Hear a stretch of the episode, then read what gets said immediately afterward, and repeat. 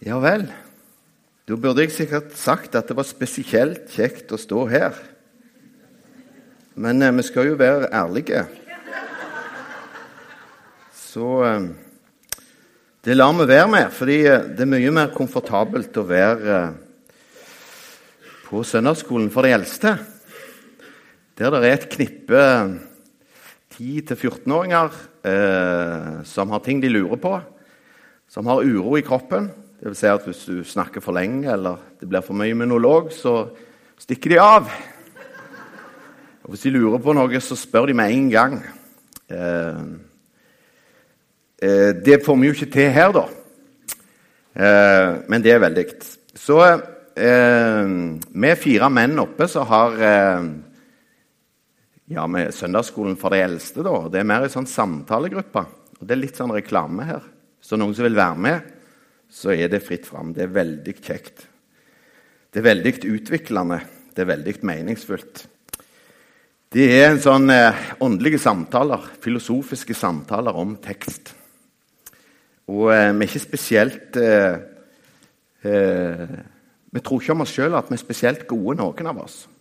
Men det å snakke om tekst Og vi leser lange tekster. Eh, og ungene de liker det. Og det de liker, er at det, dette går det an å snakker om. Dette går an å sier at det, akkurat hva Jesus vil fram til her, det begriper vi ikke. Og så går vi videre. Uh, så, så, sånn er det. Uh, og så har vi en grunnfortelling. Jeg har en grunnfortelling der oppe, og den skal jeg komme inn på i dag. Uh, og jeg har kalt det som jeg skal si i dag, den, det er tittelen 'Alltid nær', og det har med den grunnfortellingen å gjøre. Så La oss samle tankene før vi går inn i dagens prekentekst. og Så skal vi lese Salme 46, vers 2-4 og 11. Gud er vår tilflukt og vår styrke, en hjelp i nød og alltid nær. Derfor frykter vi ikke når jorden skaker, når fjellene vakler i havets dyp. Vannet buldrer og bruser, fjellene skjelver når havet reiser seg. Og så vers 11. Hold opp, kjenn at jeg er Gud. Jeg er opphøyd over folkeslag, opphøyd på jorden. En annen oversettelse er det 'vær stille og kjenn at jeg er Gud'. Men hold opp. Hold opp og kjenn at jeg er Gud. Så skal vi komme tilbake til alltid nær. Så skal vi gå til dagens tekst og få den opp på veggen. Som er fra ordspråkene 6, 20-23. Hold fast på din fars bud, min sønn. Forkast ikke rettledning fra din mor. Bind dem alltid til ditt hjerte. Knytt dem om halsen. Når du går, skal de lede deg. Når du ligger, skal de verne deg. Når du våkner, skal de tale til deg. For budet er en lykt, rettledningen et lys. Jeg vet ikke hvordan du responderer på denne teksten. Hva du tenker om den når du får den servert. Uh, Syns du den er tyngende? Blir du nedstemt? Eller ser du en løfta pekefinger? En person bakom som sier 'ly'. Eller har du gjerne vokst opp med en pekefinger i kristendom, der det å ikke trø feil har vært det viktigste? Eller blir du oppløfta? Er teksten forfriskende? Hvis vi går til teksten, så er det en farsfigur som han sier en sønn. 'Min sønn', sier han. Og det er kanskje Salomo sjøl som, som sier det. Altså en som er eldre, i alle fall. Henvender seg direkte til en som en kaller 'min sønn'. Så oppfordrer han denne til å lytte til de rådene han har fått av far sin og mor si. Ikke fra alle andre. Ikke fra Facebook, men fra mor og far. da. Så er det sånn at Foreldre de er i en særklasse når det gjelder å gi råd. Og det er ikke fordi de alltid vet best. Ikke alltid fordi de vet hva de snakker om, heller. Men det er kanskje fordi at foreldre de bryr seg på måter som, som andre ikke alltid gjør. Eh, for foreldre de er biologisk knytta til barnet sitt. Foreldres bekymring og tanker om hva som kan gå gale, er biologisk knytta til dette barnet. Og som gjør at de er spesielt godt egnet til å gi råd, fordi at de bryr seg på en helt spesiell måte. Ulempen er at det ofte fører til en jevn strøm av mas. Så tett at det kan være vanskelig å ta unna alt. Så Salomo burde jo òg hatt med en oppfordring til foreldrene her om å ta så porsjonere det ut. Tenk deg om. For biologien i oss den ser farer overalt for det som er det kjæreste vi har. Den ser det kan gå gale, det kan gå gale. Og langs veien så identifiserer foreldrene, og jeg vil legge til spesielt mor Alt som kan gå gale langs den veien. Så det burde vært med et råd til foreldre her. Hold igjen. Hold igjen, porsjoner det ut. Less is more. Uh, her snakkes det om bud, og det er naturlig at det er snakk òg om de ti bud. Og Når en snakker om de ti bud i, Om du tok det opp på jobben for eksempel, og snakket om de ti bud, ja, så får det fort en sånn aura av regelstyrt religion krav og noe som begrenser livet. da. Altså, som gjerne blir et symbol på det loviske i kristendommen. da. Men om du satte ned ei gruppe mennesker fra ulike trosretninger med de ti bud, og om vi så vekk fra de budene som krever tro på Bibelens Gud, som er tre av de kanskje, så tror jeg at denne gruppa med mennesker de ville når de så på dette, så ville de blitt enige om at dette er faktisk gode og rimelige bud for det å leve godt sammen. Og vel vitende om at det er veldig vanskelig og for at et samfunn skal fungere, og at en skal ha det godt i et nabolag, så er dette gode bud. Bare tenk over det. Jeg skal ikke gå gjennom alle. Men fra bud fire og utover så handler det om hvordan skal vi leve sammen. Eh, så buda peker ut det som et, altså Flertallet av buda peker ut det som et flertall ville si var bra ting. Så jeg kan si med andre ord, det var ikke for ingenting at de ble hogd i stein. Eh, men så er det sånn at budet òg må, må, tolkes. Og det er jo det foreldre gjør når de gir råd. Politikere tolker de òg. Når vi tolker i dag, diskuterer abortgrenser og sånn, så er det jo budet om eh, du skal ikke ta, du skal ikke ta liv, som diskuteres, og som tolkes, og som håndheves. Så det er den spennet med at hvordan skal vi leve livet vårt? Ja, Teksten i dag den sier det er det foreldrene som her forvalter. Det skal du lytte til, sier Salomo. Og han sier du skal henge dem som pryd om halsen. Han insisterer på å oppvurdere de budene som en får spesielt av foreldrene sine. Og Som en vismann, vismann så sier han til min sønn at budet er ei lykt, og rettledningen er et lys. Altså Rettledningen springer ut av budet, sånn som lyset springer ut av lykta. Og Det er interessant at han oppvurderer rådene og budene på denne måten fra foreldrene. For jeg vil si at Det gir teksten en eh, en realisme. Det er en realistisk tekst. Ved at det til og med viser Salomo vet eller grunn, Hele grunnen til at han sier dette, er jo fordi at uh, unger, ungdom og voksne de hører ikke på foreldrene sine. Det er realismen i det.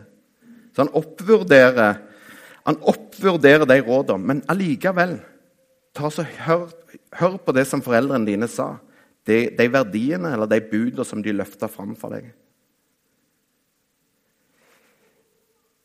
Og det er en omsorg for livet, først og fremst. Heller enn å holde opp et sett med regler som for enhver pris må oppfylles. Det er en omsorg for at det skal gå deg godt. Det er det som er i fokus. Og det er gjenkjennelig for de som har ungdom i hus. Egen bekymring for hva de gjør, og ungdommer sitt trass. Vi snakker ikke bare om ungdommer her òg, men òg om livet videre. Jeg vet ikke hvordan du har hatt det, men eh, eh, jeg tror jeg ble, var 40 første gang jeg i det hele tatt tanken slo meg, og jeg reflekterte over hvordan det var, måtte vært å ha vært foreldre til meg der. Så Bevisstheten om foreldres omsorg den slår inn utrolig seint. Noen ganger aldri. Og Det måtte sette seg litt inn i foreldres, som voksne òg, at det, det, der kan jo ikke ha vært helt lett. Jeg ser det var en utfordring der. Og så reflekterer en det over i sine råd som en gir. Ehm, det er en oppmuntring til å høre på rådene en får. Og logikken i det er at det er en del ting som en bør lære av andres feiltrinn. Det blir tungvint om alt må læres på den harde måten. Så livskunst eh, som Salomo her, som vismann, det er, å, det er egentlig det å økonomisere. Det å styre unna de opplagte farene. De som folk har identifisert før. Og Den andre delen det er å finne sin egen vei og forme sitt liv. Fransiskanerpateren Richard Raar sier at det er nødvendig å trø feil for å bli voksen. For å bli en moden troende, eller for å bli en voksen med erfaring som er til å møte livet. Hvis vi tenker at det aller beste og aller helst så ville det vært best om en ikke gjorde noen feil i det hele tatt, ja, så får vi på den ene sida et veldig nevrotisk forhold til hvordan livet faktisk er. Vi får et anstrengt forhold til de feilene som er, som, som faktisk kommer til å skje. Det er nødvendig å gjøre feil for å bli moden. Så når Salomo her sier det er en lykt og et lys, så er dette å stake ut den veien som en skal gå. Um, som foreldre så håper vi at de leksene som ungene lærer, og som de må lære, ikke blir for store. Uh, vil si sånn at de ikke gjør feil som får fatale konsekvenser. De må gjøre feil for å bli voksne. Det hører med. Du kunne sette seg inn i andre situasjoner, andres lidelse, som en òg har, har gjort seg erfaringer sjøl. Men vi håper at eh, de dunkene som de får, at de klarer å reise seg fra dem og, eh, og ta seg videre og lære av dem. Og det er ikke alltid det går sånn. Sønnen som kom hjem eh, Det er jo en av de kjente søndagsskolefortellingene.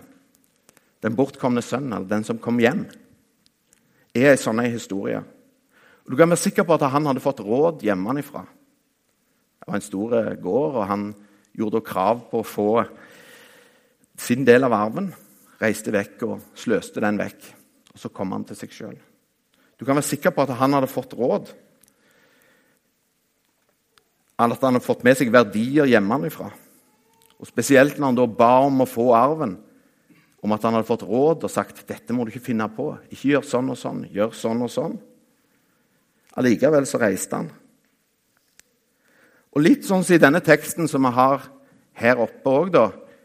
Altså eh, Når du ligger, så skal de verne deg, og når du våkner, så skal de tale til deg det budet som du har fått av din far. Og Sånn var det òg med den sønnen som kom hjem. For når han overnatta sammen med grisene, så kom han på det hvordan det var hjemme hos far, og det som faren eh, hadde sagt til ham. Og da står det da kom han til seg selv. Veien han gikk, for han iallfall, var nødvendig for å komme til det punktet at det, da kom han til seg sjøl. Og så oppdaget han hva som var viktig, eller hva som var nødvendig. Med den sønnen som var hjemme, så leser vi ikke at han kommer til den eh, erkjennelsen. Da kommer han til seg selv. Kan være han gjorde det seinere. Veien til erkjennelse er de, de, Veien til erkjennelse er mange. Og Poenget her er ikke at en må, må gjøre mange feil for å komme til den, men noen ganger, noen veier, så er det del av livet for å komme fram til hva er det øh, Komme fram til den erkjennelsen. Hvordan skal det være?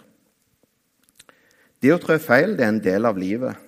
Den holdningen er òg viktig å ha når en snakker om bud eh, og veiledning i vår sammenheng. Eh, vi har ulike veier. Eh, som faren i denne teksten, eller den sønnen som kom hjem, viser, så er det mulig både å gi råd og å gi rom og gi slipp. Og Jeg syns faren her gir et godt eksempel. Du kan sikkert, Idet sønnen gikk, han håper at han skal komme tilbake. Han håper og tror, og han frykter, og han mobiliserer alt det som biologien gir av bekymringer. Og så er gleden desto større når sønnen har kommet til erkjennelse og kommet hjem. Vi har ulike veier. Så teksten i ordtakene den er både realistiske, han er aktuell, og så er han frimodig for oss, oss foreldre som sier du skal ikke være redd for å gi råd. Og så har han en inngang som anerkjenner at livet er komplisert. En tidligere ungdomspastor eh, Bjørn Harald eh, han holdt en gang en tale over en av undertitlene i boka 'Rosens navn' av Umberto Eco. Det er en roman om eh, et klosterliv. Mer en krimroman, egentlig, fra middelalderen. Men undertittelen den lyder sånn Hvordan for megen dyd fører til at helvetes krefter bryter løs. Og så holdt han en tale her nede om det. Altså hvor mye uheldig som kan komme ut av at vi har urealistiske forutsetninger. Sette opp standarden som en standard i seg sjøl, til folk og oss sjøl. F.eks. hvis vi fokuserer på at det, hvis det er sånn og sånn, så er en inne. Og sånn og sånn, da er en raskt ute. Eh, forfatteren Johannes Heggeland han skriver i en tekst eh, der han reflekterer over si tro, og egentlig over ei linje i juleevangeliet der det står 'glede for alt folket'. Så skriver han forkynner vi i det hele ikke for, for mye for hverandre. Mer eller mindre vellykka utgreiinger over Gudsordet. Det det som var klart og rent, kan gjøres dimt og utvaska av den beste oratoriker. Det skulle være så mye vi kunne rettleie hverandre om, til dømes livskunst, det å være gode med hverandre, det å takle alle de områder en, en veldressert kristen taler ikke våger seg inn på. Så en, eh, Han bruker også ordet rettledning. Men det å snakke om buda, hvordan er det vi livet, lever livet vårt, og hvordan skal vi leve det?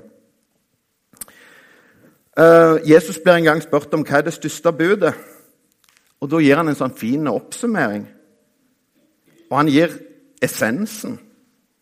Han gjør det egentlig veldig enkelt. Han sier det siste budet. Du skal elske din Gud av hele ditt hjerte, av hele din sjel og all din forstand. Det er det første og største budet. Men det andre er like stort. Du skal elske din neste som deg sjøl. På disse to hviler hele loven og profetene. Og Hvis du da går til de ti bud så ser du at eh, tre av de handler om å tro på Gud. Forutsette tro. Det andre handler om hvordan vi skal leve sammen. Så egentlig sammenfatter Jesus da de ti budene her bare La oss gjøre det enkelt. Eh, Asbjørn Johansen talte om dette òg, for når han var her på besøk sist, så han, holdt han òg fram dette verset, sa han. Og resten er småpenger, sa han. Um, så sa jeg eh, Tittelen på det som jeg sier her, det er 'Alltid nær'. Herren er alltid nær, fra Salme 46. Og i samme så leste vi at 'Hold opp og kjenn at jeg er Gud'. Vær stille og kjenn at jeg er Gud. Um, og som jeg sa, det å være med på søndagsskolen det er også en god anledning til å holde andakt for egne unger. det er Så naturlig unge. Det er òg et sånt pred til de som har lyst til å finne en enkel inngang til det. Eller til å snakke med dem. I en annen av tekstene som er knytta til dagens eh, kirkeårets tekst i dag, den er fra Johannes 12, der det står 'Tro på lyset, slik at dere kan bli lysets barn'. Og Det knytter jeg òg til dette 'vær stille og kjenn at jeg er Gud'. Um, jeg har en grunnfortelling oppe på søndagsskolen, og det er grunnfortellingen at Gud han er alltid nær. Eh, og det er interessant. Eh, nå ser jeg i Salme 139 det står Gud han er foran meg og bak meg, og på sidene over og under. Og Når jeg kommer lenger ut i salmen, så sier jeg hvis jeg reiser, hvis jeg, til og med hvis jeg reiser der havet ender, så er du der. Og Hvis jeg sier at la det bli mørkt omkring meg, og la dagen bli til natt, ja, så er du der òg. Gud er med han selv om at jeg har sagt at nå, nå kan det bare være mørkt. Så er han alltid nær. Derfor så synger jeg heller ikke i barnesangen, eh, i godnattsangen 'Kjære Gud, gå aldri fra meg'. For det gjør ikke han. Men 'takk at du går aldri fra meg'. Altså, En trenger ikke lure på om at Gud vil gå fra oss.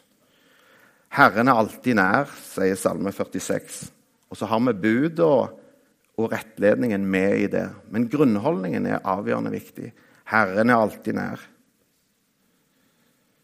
Uh, og det er òg sånn at uh, uh, det lille barnet, før tanken er, er forma, så er Gud nær. Og hos den gamle demente, der tankene vekker, så er Gud nær. Det står ikke på det. Med den grunnholdningen, eh, eller grunnfortellingen, så går det an å snakke om tekster. Hvordan skal vi forstå dette? Eh, hva vi ikke forstår her? Vi forstår det ikke, går det òg an å si. Og Det handler om å tro på Gud. Det å tro at Gud alltid er nær, det er et veldig stort trossprang. Det er ikke noe lettvint holdning. Og Jesus, han som var før alle ting, og alle ting står ved lag, han er alltid nær.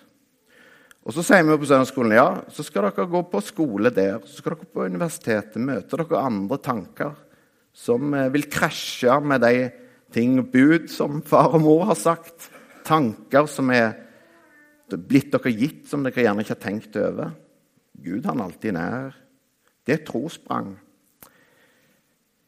Salme 46 den gir oss òg en enkel vei, eller kanskje enkel vei. Han sier det at eh, vær stille og kjenn at jeg er Gud, eller hold opp og kjenn at jeg er Gud. Altså Det handler om å venne seg til Gud. Og faktisk det enkle i det, selv om det er vel det er en stor tanke Det enkle i det er at når jeg er stille, når jeg holder opp, så er Gud nær. Eh, jeg trenger ikke be Gud, kom hit. Han er her. Stillheten er Der er, og der er Gud til stede. Jeg tenker sånn at å være stille, det kan jeg få til. Og det å være stille, være stille og kjenne at jeg er Gud, det kan være en måte å elske Gud av hele sitt hjerte, av hele sin sjel, og hele sin forstand. Fordi at ved å tro at Gud er der, så tror en at han som var før alle ting, og alle står, ting står ved lag ved ham, han er her hos meg når jeg er stille. I min kropp, i min tanke, her og nå. Det er et trossprang, men så enkelt. Det å være stille, det kan jeg få til, tenker jeg. Og Derfor, litt sånn frimodig, så er det òg en sånn vei som jeg sier Prøv det, kanskje. Og kanskje er det noe noe Altså, menn trenger jo litt enkle løsninger på sånne ting. Så en oppfordring til menn om kanskje, kanskje vi bare skal være stille. I Matteus 6 så står det f.eks.: Når du ber, så ikke gjør sånn som hedningene, som bruker masse ord og Gjør det alltid når det er synlig for andre, og står på gatehjørnet. Men stå, gå, inn i, gå inn på rommet ditt, lukk døra og be til Gud. Vær stille. I Matteus står det òg at der to eller tre er samla i mitt navn, der er jeg midt blant de. Og Det kan jo fort feilleses som at, at hvis en ikke er to eller tre, hvis en bare er alene, da virker det ikke. Eh, det er jo ikke sånt. Men hvorfor to eller tre, da? Igjen den samme fransiskanerpateren rår.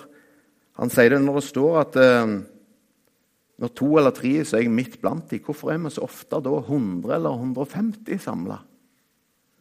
Hva er det med disse to og tre? Logikken kan være det at når to eller tre er samla i, i hans navn, så våger en å dele livet. Våger en å åpne seg opp, våger en å snakke om, gi rettledning. Om livskunst, om det som er vanskelig. Om det som gjerne fra talerstolen ikke våger å komme inn på. Og når en gjør det, så lærer en å leve livet. Og da oppfyller den det andre budet, det om å elske sin neste som seg sjøl, kanskje.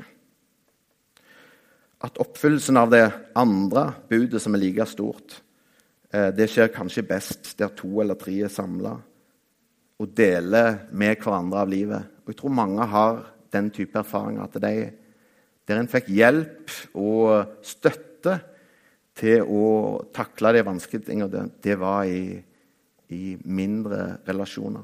Når vi er mange, så slår så mange andre mekanismer inn, som konformitet, eh, sammenligning osv. Stillhet eh, det å, eh, det å være, være, stille, det kan være det å tro på lyset, sånn at en kan bli lysets barn. Det er en oppmuntring. Det kan være en oppmuntring til de introverte blant oss.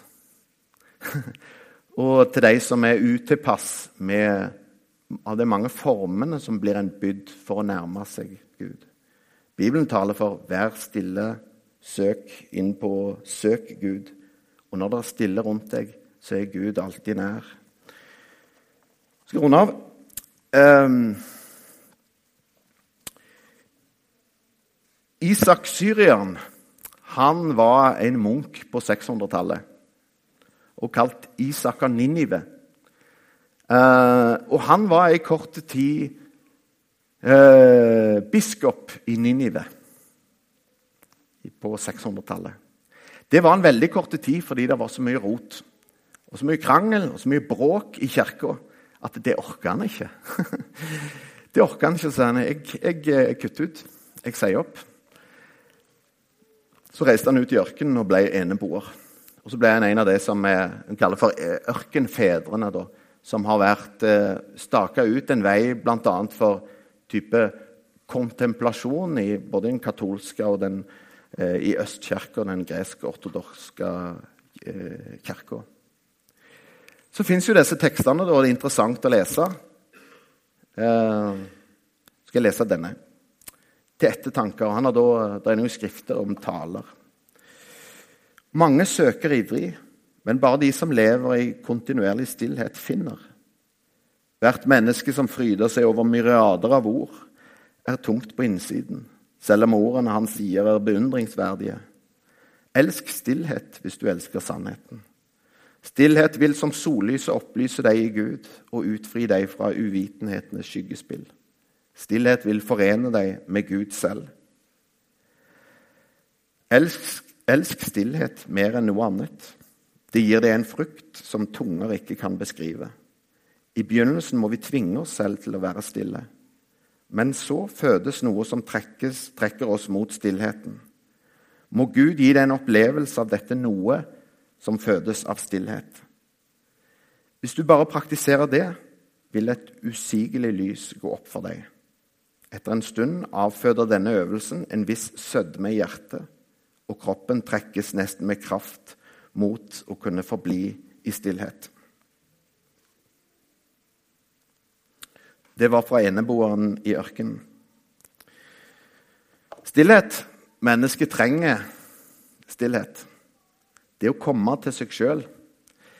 Eh, på Østlandet så er det et av fengslene der har et tilbud med ignetiansk retreat for langtids folk som sitter inne for langtidsdommer. Eh, og det er i stor grad en type stille retreat. Det som skiller det fra andre typer stillhetstilbud i samfunnet ellers, det er at det er ikke en det er, jo, det er ikke bare en søk, søken innover i seg sjøl, men det er en tro på at det er noe ut forbi meg som er større enn meg. Og når jeg er stille, eh, så kan jeg stå ansikt til ansikt med Gud som er større enn meg. Det er ikke jeg og hele livet mitt altså som langtids, eh, Inne på langtidsdommer så sitter de med den, disse bud og disse rådene de har jeg brutt i den grad til at jeg iallfall sitter inne på straff. Hele den delen av det falt. Hvis en tenker hva vei skulle en gå her da for å rette opp igjen det, jo, så er dette en måte Dette er den stanga som en må holde som, Det som en må holde, holde fast i. Som en må begynne med. Og kanskje da etterpå så blir det lettere det å ta inn over seg de rådene og legge stein på stein etter det.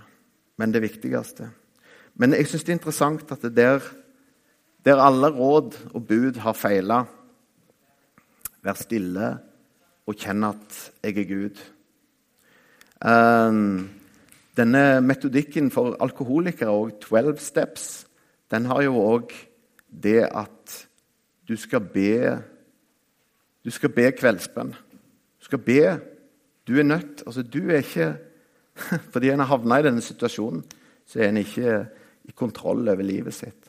Det er noe ut forbi en som er større enn. Så det er en del av, Selv om det begynte som en kristen eh, eh opplegg, eh, og da for ikke-kristne, så sier du du må be om så til en ukjent Gud. Del av erkjennelsen er at eh, det er noe større enn meg sjøl. Edin Løvaas han var en som tok deler av denne stillhetsbevegelsen inn, til Norge og gjorde det til en bevegelse, retreatbevegelsen. Og hans retning i det var dette enkle vær stille, også basert på bibeltekster. Og Han har gitt ut boka 'Minutter med Jesus', og oppskriften der er såre enkel. Det er en bibeltekst der Jesus opptrer, sier noen til noe og så er meditasjonen se Jesus. Stillhet. Vær stille og kjenn at jeg er Gud. Herren er alltid nær. Men se Jesus i tekstene. Så tenkte jeg at vi skulle gjøre det helt kort nå. Men ikke med at vi, er så Vi er kanskje ikke så veldig vante med stillhet i møtesammenheng. um, Vi tenkte vi skulle gjøre det i forbindelse med sang. Jeg har bedt Ragnar om å synge en sang som han har skrevet, eh, som tar for seg to situasjoner der Jesus eh, eh, kommer til syne, og der Jesus sier noe. Og Den er på svensk. Den har skrevet til Roland eh, Lundgren, eh, som kom i en sammenheng der. Så Derfor er han på svensk, altså.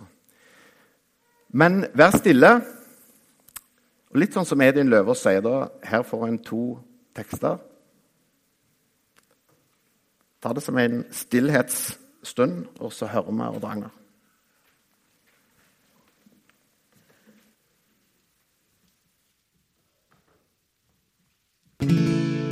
Det, det er på sjøen, dette her, og så er det den kvinnen på tempelplassen.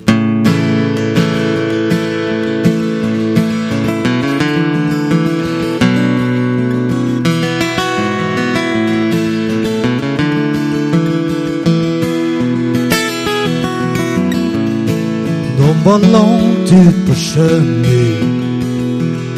når en stormvind plutselig blåste upp. Vågor hotade att sänka deras båt nu och de ropade mästarröst stig upp. Och han talade till vågorna och vinden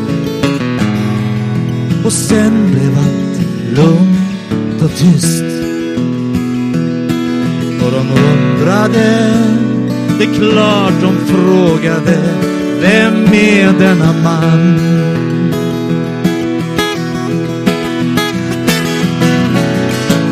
Han är min mästare som bär och omsluter denna värld.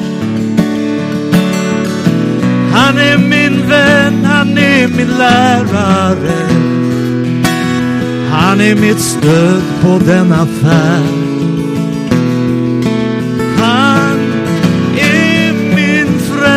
Frälsare. Offrade sitt liv just för mig. Han är den osjälviska kärleken som aldrig möter någon med ett nej.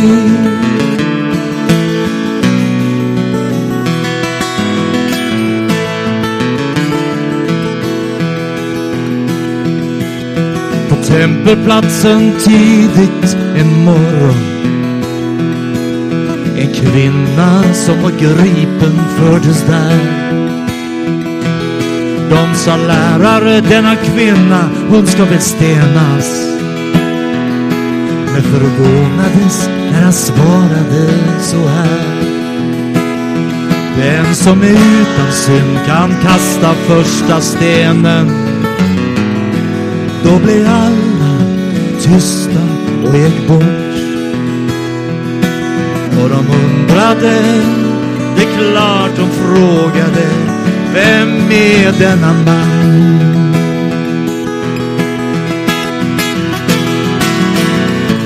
Han är min mästare som bär och omsluter denna värld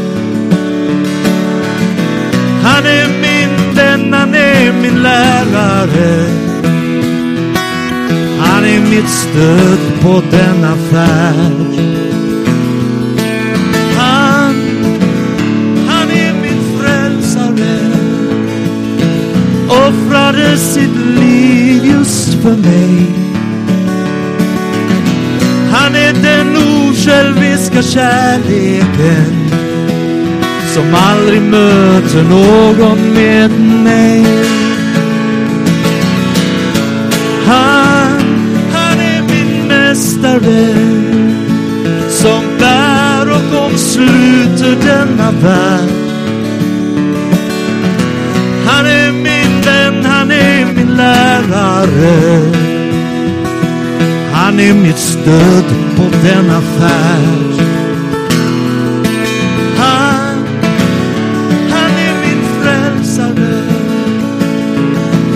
Offrade sitt liv just för mig